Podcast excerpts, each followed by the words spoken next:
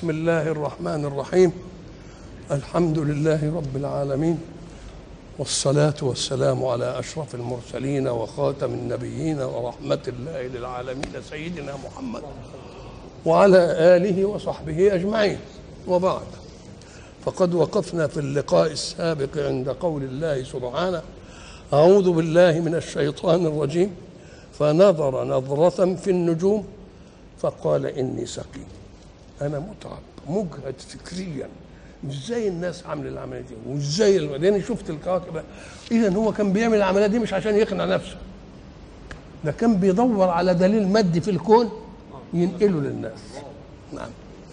فقال إني سقيم. طب قال إني سقيم إيه اللي أحوج إنه يقول إني سقيم يعني؟ مين اللي أحوج؟ قال لك لأن كان عندهم عيد وهم هيروحوا لل يجتمعوا فيه. فلما قال إني سقيم مش عاوز راجل يعني. فتولوا عنه مدبرين سابوه. وهو بيخمن إنه إيه إنه يعمل العملية دي عشان يخرم هو يروح للأصنام بقى بتاعتهم يشوف شغله وياه. فقال إني سقيم. فتولوا عنه مدبرين فراغ إلى آلهتهم. كلمة راغ إحنا بنستعملها دلوقتي تسلل لوازا يعني إيه؟ واحد يكون قاعد يا جماعة وعايز يخرج منهم بس ما حدش يعرف. يوم يقعد يمشي شوية كده خطوه ويقف وبعدين يخلص وبعدين يتدرى شوية. اسمه إيه؟ ولذلك هي بالضبط اللغة العام الاعاميه بتاعتها ده فلان زوغ. زاغ. اهي راغ هي زاغ. نعم. عشان ما حدش يشوفه فراغ طيب فراغ إلى آلهتهم. أول حاجة استهزأ بالآلهة. فقال لهم ألا تأكلون ما نجيب لكوش أكل ولا حاجة ولا نجيب لكم قهوة ولا شيء هذه كلام هذه المثل فراغ إلى آلهتهم فقال ألا تأكلون؟ طبعا ما حدش رد عليه. فقال لهم حاجة ما لكم لا تنطقون. يعني بالنسبة لهم ما لكم لا تنطقون. فلما حصلت الحكاية دي قال ده أنتوا ولاد كلب كذابين فراغ عليهم ضربا بالإيه؟ بالقوة. فراغ عليهم ضربا. إحنا قلنا اليمين بتطلق لإيه؟ على القوة. إنكم كنتم تأتوننا عن اليمين بالقهر والقوة وال فقال ألا تأكلون؟ ما لكم لا تنطقون.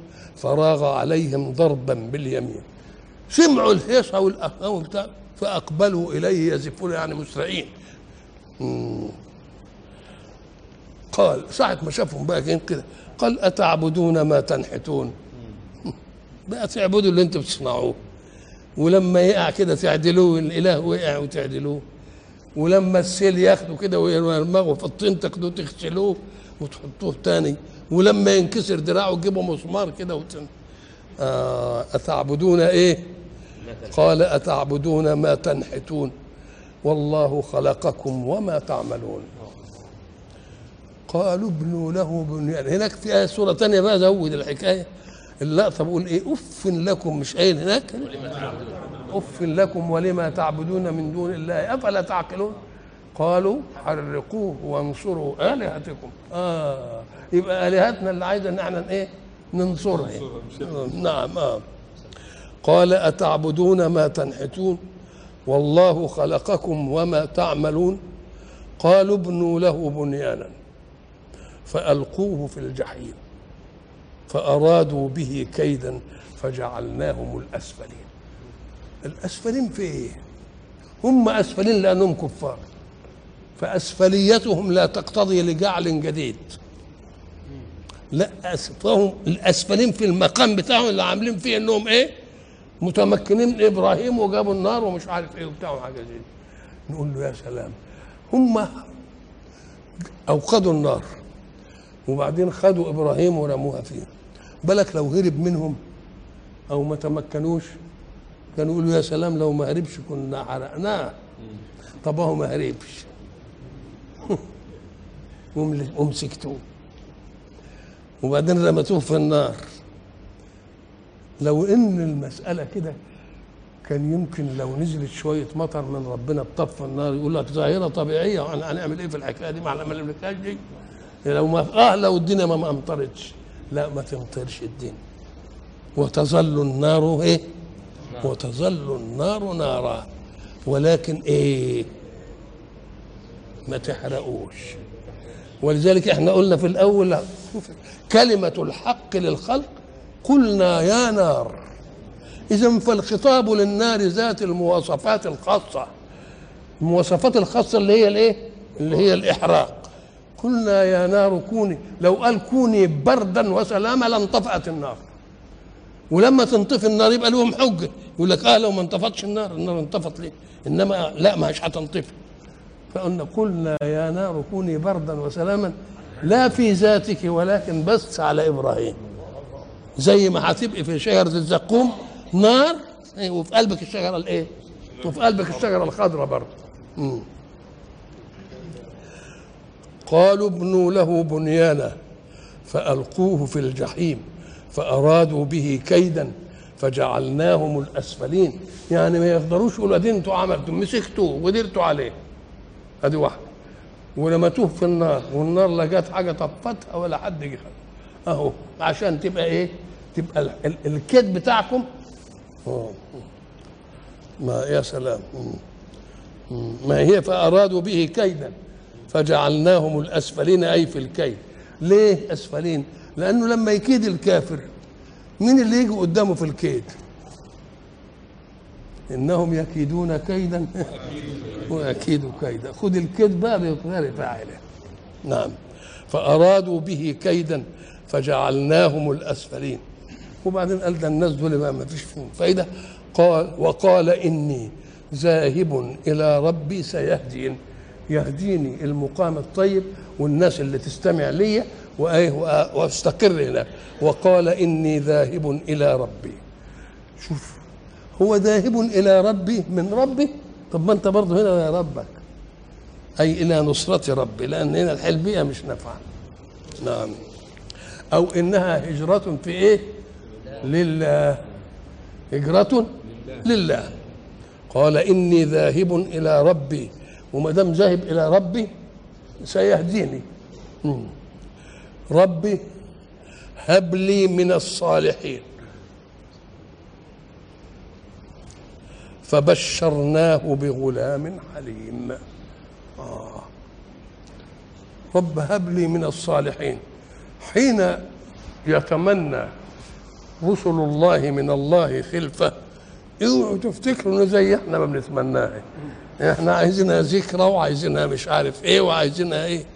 إنما دي عايزه يبقى نموذج إيماني يرثه ولذلك هناك يرثني ويرث من آل يعقوب واجعله رب رضيا عز عليه إن عمره ما يتسعش ليكون جندي من جنود بعث منهج الله في الأرض. فقال يا رب إحنا هننتهي لكن برضه قر عيني بان أنا هشوف واحد إيه يبقى يجي بعدي ويعمل العملية دي. رب هب لي من الصالحين. رب هب لي من الصالحين. الحق سبحانه وتعالى ما قالش رب هب من الصالحين. فأراد من ذريته من هو صالح بس من ضمن صلاح غيره. من الصالحين. مش هو اللي بس صالح لا من الصالحين. رب هب لي من الصالحين فبشرناه بغلام حليم. حليم ما هو الحليم؟ الحليم هو الذي يستف لا يستفزه غضب ويتحمل الأمور على مقدار ما تطيب به أخلاق نفسه. لأنه يعلم أنه إن كان في لجاجا مع الغير اللجاج ده إن كان حق ولا لجاج باطل؟ ده من امتنع عن اللجاج. في الباطل ربنا يبني له بيت في الجنة. لجاج باطل ويمتنع عنه فما بالك إن كان لجاج حق. ولذلك قال لك دوكا في إيه؟ حاشية الجنة. وده في صميم الايه؟ في صميم الجنة. فالحليم بيعمل إيه؟ بيقدر على نفسه. ليه؟ لأنه يعتقد أنه مش خلقه مش سايب من البعض بل هو قيوم. ولا تأخذه سنة ولا نوم. زي ما يكون الإخوة متشاكسين وبعدين يقول له والله إيه المسألة دي؟ أنا مش هعمل فيك حاجة. ما يجي أبوك هو اللي يعرف الشغل. فكان يبقى الحلم بيعمل إيه؟ الحلم بيمضي الغضب يمسك الغضب كده ويقول لأنني لي رب إن ظلمت في شيء فربنا اللي حي إيه؟ اللي هياخد بيدي فيه وإحنا بنقول زمان اللي له أب ما بيحملش هم فاللي له رب يختشي على عرضه ولذلك من رحمة الله إنه بيقول يا عبادي ناموا ملء جفونكم علشان تصبحوا عندكم نشاط للعمل لأن ربكم لا ينام. لا تأخذه سنة ولا نوم. فبشرناه بغلام حليم. لما قال بشرناه بغلام حليم ده قبل أن يجيء الغلام؟ لأن التبشير بشيء يعني قبل إيه؟ قبل مولده. جاب الوصف بتاع غلام وايه وحليم.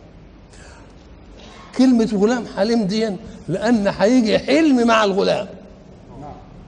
الاثنين حلم بس مش من راجل واعي كده ومقدر الأمور وبتاع. ده غلام لسه صغير. اللي هي إيه؟ لما قالوا أنا أرى في المنام أذبحك. ما غضبش الولد. قال له يا أبت افعل ما تؤمر. ستجدني إن شاء الله من الصابرين. أهناك حلم بقى. أبوه بيقول له هقتلك هموتك هذبحك. يقول له افعل ما تؤمر. ستجدني إن يبقى كلمة غلام. وحليم. الاثنين ويا بعض. نعم. شوف بقى تعبير القرآن. وبشرناه بغلام حليم. كلمة فبشرناه بغلام حليم يقول لك بقى وبعدين سارة ولدت مش عارف هاجر جت وجابها من مصر ومش كده؟ ويقول لك القصة بقى. ما جابش القصة خالص. ده إحنا بعد البشارة على طول فلما بلغ معه الساعة. قال لا على طول كده. قال لك إيه؟ لأن ربنا بيتكلم. فضول الكلام بقى أنت اللي تفهمه ما يجيبوش. سيدنا سليمان على نبينا وعليه أفضل الصلاة والسلام. لما الهدهد غاب ولما تفقد الطير فقال ما لي؟ أم كان من الغائبين. لأعذبنه عذابا شديدا أو لأذبحنه. افتكروا ان هو ملك نبي مش ملك بس. أو لا ياتيني بسلطان مبين. مش جبروت ملك بقى. ده ملك نبي. أو لا ياتيني بإيه؟ وبعدين مكث غير بعيد وبعدين شوف بقى شوف الديمقراطية اللي على آخره. قال اللي مسخر له الجن والجبال وبتاع. يقول له إيه؟ أنا عملت إيه؟ اهي أحطت بما لم تحط به. دنيا من دانا وجئتك من سبأ بنبأ يقين.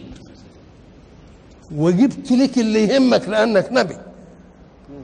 إني آه وجدت امرأة تملكه. ووجدتها لها عرش العظيم. ووجدتها يا سليمان. وقومها يعبدون للشمس من دون الله. وانت قاعد لي هنا. يسجدون للشمس من دون الله. وانت قاعد لي هنا. شوف يا أخي شوف العظمة. عظمة النقاش مع مع الملك. وجدتها. وقومها إيه؟ يسجدون للشمس من دون الله. وزين لهم الله عارف القضية الإيمانية والعقدية وكل حاجة. عالم. الله. وجدتها. وقومها يسجدون للشمس من دون الله. وزين لهم الشيطان. أعمالهم. وبعدين يقول ألا يسجدوا لله الذي يخرج الخبء الله. عارف قضية ادي الحيوان الهدهد عارف قضية التوحيد اللي بيقولها لمين؟ وبيقولها لإيه؟ يعني أنا إن غبت عنك فقد غبت عن عينك في مجلسك لكني كنت عينك على الأمة كلها. وجاي لك الخبر اللي ينفعك في مهمتك الإيمانية. نعم. لما ربنا بقى الايه سيدنا سليمان كتب جواب لمين؟ وقال له إذ خد الجواب ده وارميه إيه؟ مش كده. ما قالش بقى فراح الهدود وطار ودار مش عارف إيه وبتاع. وبعدين قال له ألقي إيه؟ ألقي عليهم ثم تولى عنهم الدار فانظر ماذا إيه؟ يرجعون. ثم تولى عنهم فانظر ماذا يرجعون. وبعدين ما جابش القصة بل على طول. وبعدين قال أيكم يأتوني بقى إيه؟ بعرشها. وقال كذا وفلان قال كذا وفلان كذا. واللي راح يجيبه من, من أهل الكتاب. ساعة ما قال كده ما قالوش روح هات. فلما رآه مستقرا عنده. على طول كده المسألة مش عايزة نتكلم وبتاع. نعم. كذلك. فبشرناه بغلام حليم والبشرى بالشيء تكون إيه؟ قبل مجيئه. لكن فلما بلغ معه الساعة دل على أنه ولد جاء الغلام وولد وبلغ معه السعي إيه بلغ معه السعي العيل ما بيكلفش بأمور إلا على قدر طاقته في الحركة وعلى قدر عافيته وقوته. فلما بلغ معه السعي أن يسعى في المسائل يسعى في المصلحة. بلغ السعي بس مع مين؟ مع مش بلغ السعي مع أي حد كده يكلفه اللي ما يقدرش عليه ولا بتاع مع أبوه الحنان. هيقول له لا بلاش دي تقيلة عليك يا ولا دي مش عارف سيبها. لما بلغ معه السعي السعي على إيه؟ يعني حركة الحياة. بس مع مين؟ مع أبوه. لأنه يمكن لو مع غير أبوه يرهقه. إنما ده أبوه. ساعة ما يشوفه عمل حاجة ثانية كده يقول له لا بلاش. تقيله عليك. ارمي يا يا سلام. فلما بلغ معه السعي قال يا بني إني أرى في المنام أني أذبحك. طب ساعة ما يشوف إنه هو بيشوفه بيذبحه في النار تبقى الرؤية إزاي دي بقى؟ ما لو كان بيذبحه تبقى الرؤية ذبح بقى. ما يقولوش افعل ما تؤمر. لأن دليل مش مش رأى أن مش رأى أنني بذبح. لا. إني أرى في المنام ان مطلوب مني إن أنا أذبحك. شوف بقى الولد بقى عظمة الرد. ما قالوش يا أبا تفعل اللي أنت عايزه. لا. أنا أطيع أمرك من باطن أمر ربي. نعم. افعل ما تؤمر. افعل ما تؤمر. آه افعل ما تؤمر. يبقى عرف إن ده متلقي أمر. لكن ده هو بيقول له أنا أرى في المنام. ما فيش وحي ولا أي حاجة. ثم قال لك ما هو عرف برضه الغلام. إن وحي الأنبياء حق. وحي الأنبياء رؤيتهم رؤية الأنبياء وحي حق. نعم. فلما بلغ معه السعي قال يا بني شوف كلمة يا ابني فيه يا ابني؟ ويا بني. وفيه يا بني.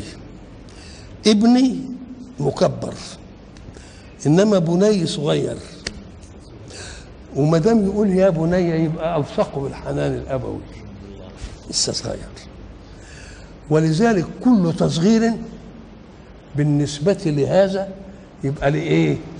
لإظهار شحنة العطف على قدر الحاجة. ولذلك لما سئلت العربية أي بنيك أحب إليك؟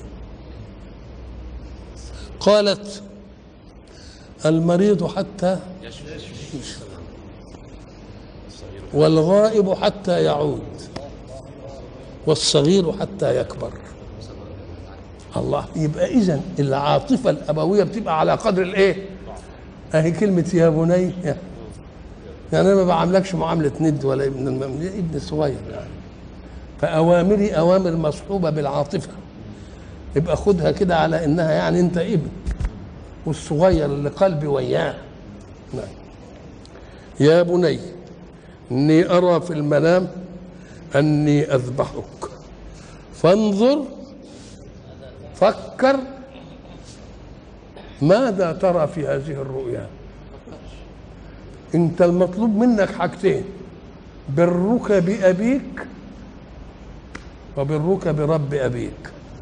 الاثنين. فانظر ماذا ترى؟ قال يا أبتي أدي البر بالأب. افعل بر بالأب. ما تؤمر بر بمين؟ ستجدني إن شاء الله من الصابرين. فلما أسلم أسلم إيه؟ إبراهيم أسلم زمام حركته في القتل إلى ربه. عايزني أقتله أقتله وده ابتلاء مركب. إبراهيم ابتلي في عصر شبابه بالرمي في النار. فنجح. فيه وقت لما الواحد يشيب بقى ويكبر. يبقى حبه لابنه فوق حبه لنفسه. ولذلك مش عايز حد يبقى أحسن منه إلا ابنه. ليه؟ لأنه هو الوصل الأخير لحياته. ده كلام طيب. فلما يجي سيدنا فلما أسلم اولا إسلام إبراهيم أنه أخبر ابنه بالمنام. وعنده استعداد يعمله بس عايز ياخد رأي ابنه. وإسلام أب ابنه قال له افعل ما إيه؟ افعل ما تؤمر.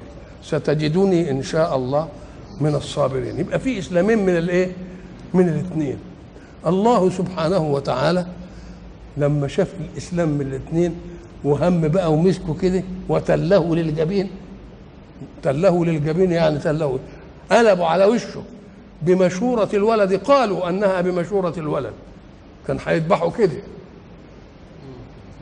قال له لا إيه خلي وشي تحت عشان ما تبصش ليا. والعطفة تجيلك وبتاع. قال لا بيساعده قال لك إيه؟ فإبراهيم الذي ابتلي في في شبابه بالإحراق في النار فنجح يوم يبتلى في شيخوخته بابنه الوحيد. ومش يموت منه؟ لا. مش واحد تاني يقتله؟ لا. مش هو اللي يقتله بوحي؟ لا.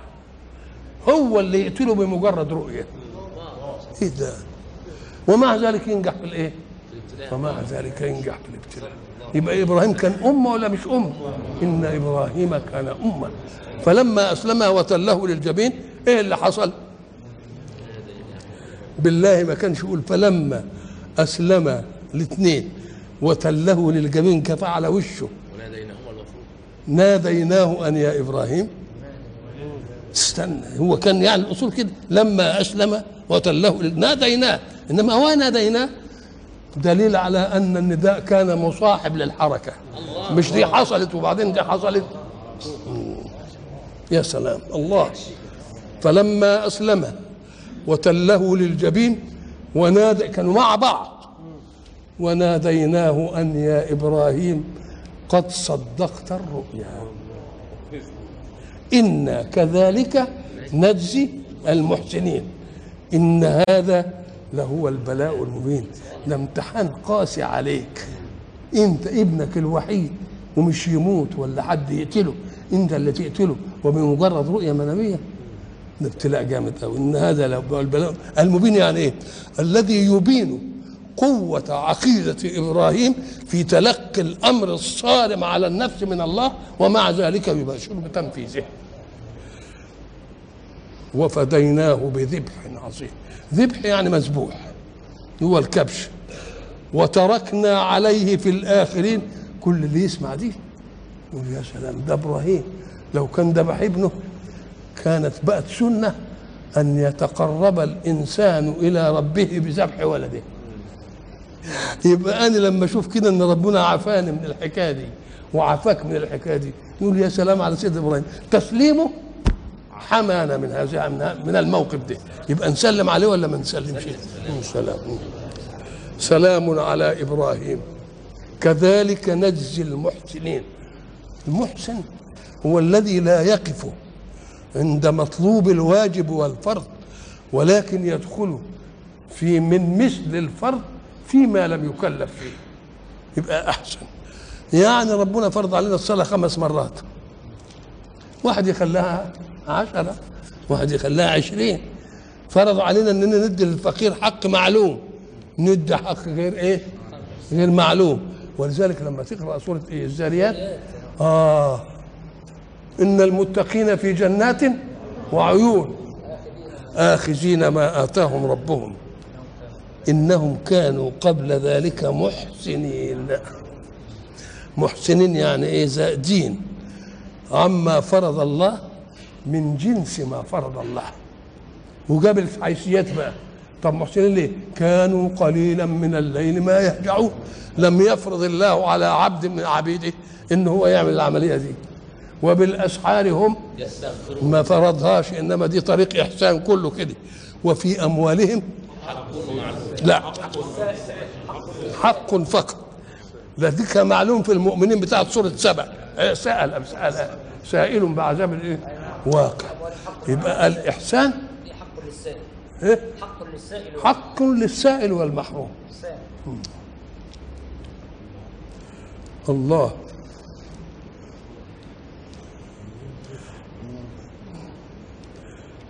كذلك نجزي المحسنين.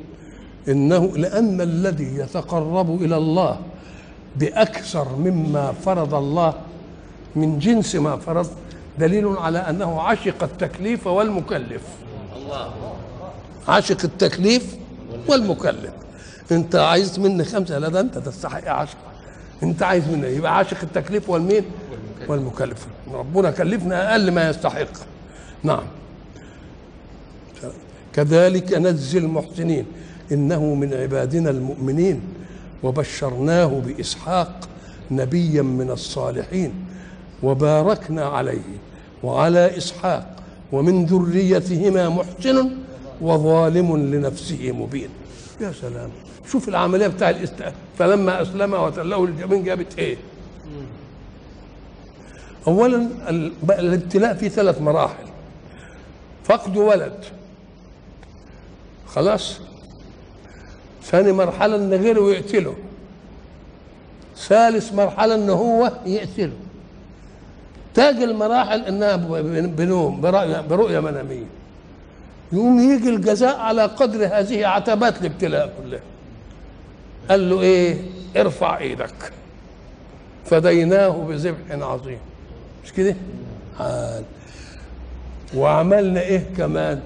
وبدل ما كان هيموت ده عاش وجبنا له إسحاق. ومش بس كده ومن وراء إسحاق يعقوب ومش بس كده وعملناهم أنبياء. يبقى نتيجة الإسلام لشيء واحد شوف جاب الايه إيه؟ جاب الخير كله. يبقى اذا الإسلام لله سلم لربك حكمه. فلحكمة يقضي حتى تستفيد وتسلم. واذكر خليل الله في ذبح ابنه إذ قال خالقه فلما أسلم. شوف قال إيه؟ نعم.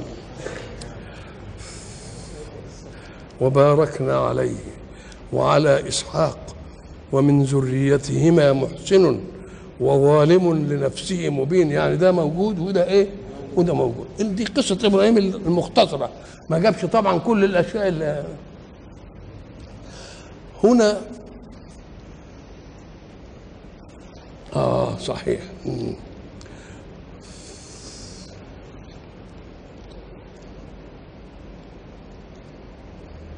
إنه من عبادنا المؤمنين وبشرناه بإسحاق نبيا من الصالحين وباركنا عليه وعلى إسحاق ومن ذريتهما محسن وظالم لنفسه مبين. معركة الأديان في مسألة إسماعيل وإسحاق. المسلمون يقولون الذبيح إسماعيل. غيرهم يقول الذبيح إسحاق. كلمة الذبيح إسحاق دي ترد بأشياء كثيرة أوي. الشيء الأول أن لو كانت مسألة الذبح ومسألة الفداء ومسألة مش عارف إيه لكان مغداها ومراحاها هناك في الحجاز لو كانت مغداها الآن في الحجاز لو كانت كده كان مغداها بقى هناك في الشام. أدي واحدة الشيء الآخر مش هنقدر ناخد إلا كلمة النبي أنا ابن الذبيحين. هل اللي ذبحهم ولا اللي فداهم ربنا؟ طب ده هو فدى أبوه عبد الله ب 100 ناقة. وفدى بكبش واحد اللي هو الذبيحين. وباركنا عليه. وعلى إسحاق ومن ذريتهما محسن وظالم لنفسه مبين. ولقد مننا ده موكب بقى أولي العزم. ولقد مننا على موسى وهارون. طب المنة إيه بقى؟ منة عطاء ومنة نصر. منة عطاء بأننا عملناهم رسل. أدي المنة الأولى. منة نصر إنهم لما دخلوا فرعون في معركة مننا عليهم بالنصر ولقد مننا على موسى وهارون ونجيناهما وقومهما من الكرب العظيم. مش كرب واحد متسلط كملك ده كرب واحد متسلط كإله. نعم. ولقد مننا على موسى وهارون ونجيناهما وقومهما من الكرب العظيم. اولا كان أريد بموسى الكيد وأريد بقوم الأولانيين الكيد لأنهم لما كانوا في مصر كانوا بيتخذوا منهم إيه؟ الفعل والصخره والمش عارف إيه والايه والايه والايه لو عرفنا السبب لوجدنا أن الفراعنة يسمون إيه؟ فرع ملوك مصر فراعنة. اسمه فرعون مش ملك. اسمه إيه؟ يبقى فرعون لكل من ملك إيه؟ مصر من القدماء. الله. هنا تجد في سورة يوسف لما راح على مصر وعزيز مصر والملك استخلصه لنفسي والى آخره. مم. كلمة الملك جت هنا. ما جاش فرعون. في القديم قال عليه فرعون. في الحديث قال إيه؟ ملك قال موسى والعزيز والملك. إز إيه الحكاية دي؟ قال لك لأنك بعد ما انفك حجر رشيد علمنا أن الهكسوس حينما أغاروا على مصر كانوا ملوكا في مصر لا فراعين فلما عاد الأمر إلى فرعون كان بنو إسرائيل في خدمة الإيه؟ آه. فراحوا مضطهدينهم بقى ومتعذبينهم ولذلك كان أول عمل لموسى في الدعوة أن أرسل معي بني إسرائيل ولا تعذبهم. قبل كل حاجة أن أرسل معي بني إسرائيل ولا إيه؟ ولا تعذبهم. ولقد مننا على موسى وهارون ونجيناهما وقومهما من الكرب العظيم. كرب هو بقى قال لك القوم علم أنه خلصوهم من فرعون ومن الاستعباد. وهم قال لك ما هم لما حبوا يخرجوا أتبعه فرع إيه؟ بجنوده مش كده؟ وبعدين بقى اللي ويا موسى شافوا ضجيج الخيل والحوافر ضربة والعسجر ماشي. الله. قال لك ده قوم فرعون ورانا. وفرعون بقضه وقديده جاي ورانا يعني معناه إنه حي إيه؟ إنه هيضيعنا وبعدين بصوا لقوا البحر. زي ما قال طارق. قالوا له أدي البحر وأدي قوم فرعون. يبقى إحنا مدركون ولا مش مدركون؟ يبقى مدركون. بالقوانين مدركون. فماذا قال موسى؟ قال بملء فيه كلا. كلا إيه ده تكذب ده هو ادي البحر وادي العدو شوف بقى شوف الرصيد اللي بيقول به كلا وملء فيه. ان معي ربي سيهدين شو الثقة؟ بس قال له طب اضرب البحر وحصل اللي حصل. ونجيناهما وقومهما من الكرب العظيم ونصرناهم فكانوا هم الغالبين. في فرق بين أن تغلب ويظل المغلوب حيا. وأن تغلب وأن تبيد المغلوب خالص. اللي حصل لفرعون إنه انتهى كله. ونصرناهم فكانوا هم الغالبين وآتيناهما الكتاب المستبين. اللي هو الإيه؟ اللي هو التوراة. ولقد آتينا موسى وهارون الفرقان وضياء وذكرا للمتقين. وآتيناهما الكتاب المستبين وهديناهما الصراط المستقيم وتركنا عليهما في الآخرين. سلام على موسى وهارون. كل واحد يسمع قصة موسى وهارون والمواقف اللي وقفها وال- والثبات ومش عارف وإيه وإيه وإيه وإيه كل ده يقول يا سلام وسلام على المرسلين. نعم. سلام على موسى وهارون. إنا كذلك نجزي المحسنين. موسى وهارون طبعا إحنا هارون جاي بطلب من موسى. مش كده؟ وأخي هارون إيه؟ وافصح مني لسانا فارسله معي إيه؟ يريد أن يصدقني إني أخاف أن يكذبون. لكن هما الاثنين إيه؟ بقوا إيه؟ رسول رسول واحد. لأنه هو بطلبه هو اللي جابه ولذلك تجد القرآن في مثل هذه المسألة آه لما زه موسى وهارون أم موسى دعا ربنا إن إن فرعون وقومه بقى قعدوا طغوا في الأرض ومش عارف إيه وبتاع وقالوا كده ربنا اطمس على إيه؟ واشدد فلا يؤمنوا حتى يروا العذاب الأليم. إذا دعا عليهم. يعني قوته ما نهضتش بالحكاية. فلما دعا عليهم رد الله على الدعاء بقوله إيه؟ قد- دعوتكما. مع أن الداعي مين؟ داعي موسى لأنهم وحدة ما تفصلوهمش عن بعض لأنهم رسول واحد لله. قد أجيبت دعوتكما.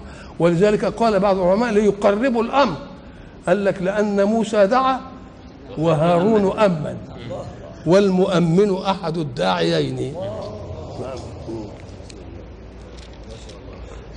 إنهما من عبادنا المؤمنين.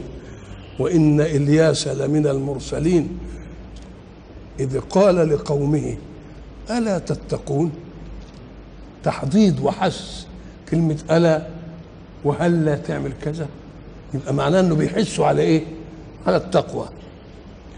أتدعون بعلا؟ يعني تعبدون. صنم اسمه بعل وتذرون أحسن الخالقين. شوف برضه كلمة أحسن الخالقين زي ما قلناها أن الله ما ظن على عبد من عباده ينظر في كونه فيستخرج أشياء تنفع أمته.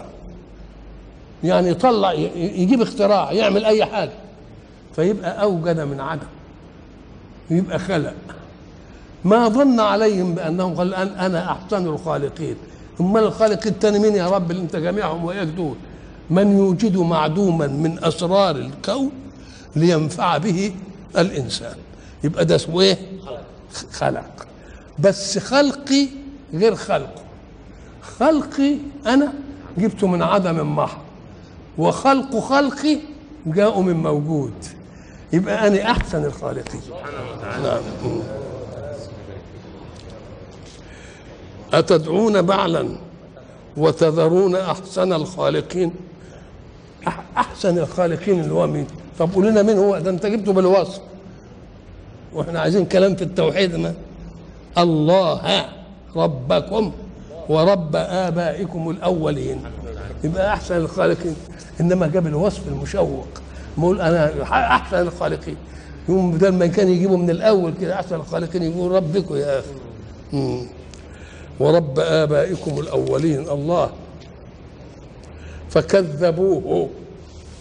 كشأن كل قوم يأتي رسول من الرسل عشان يخرجهم من الظلمات ومن الفساد اللي هم فيه. ليه؟ لأن الفساد اللي هم فيه منتفعين به.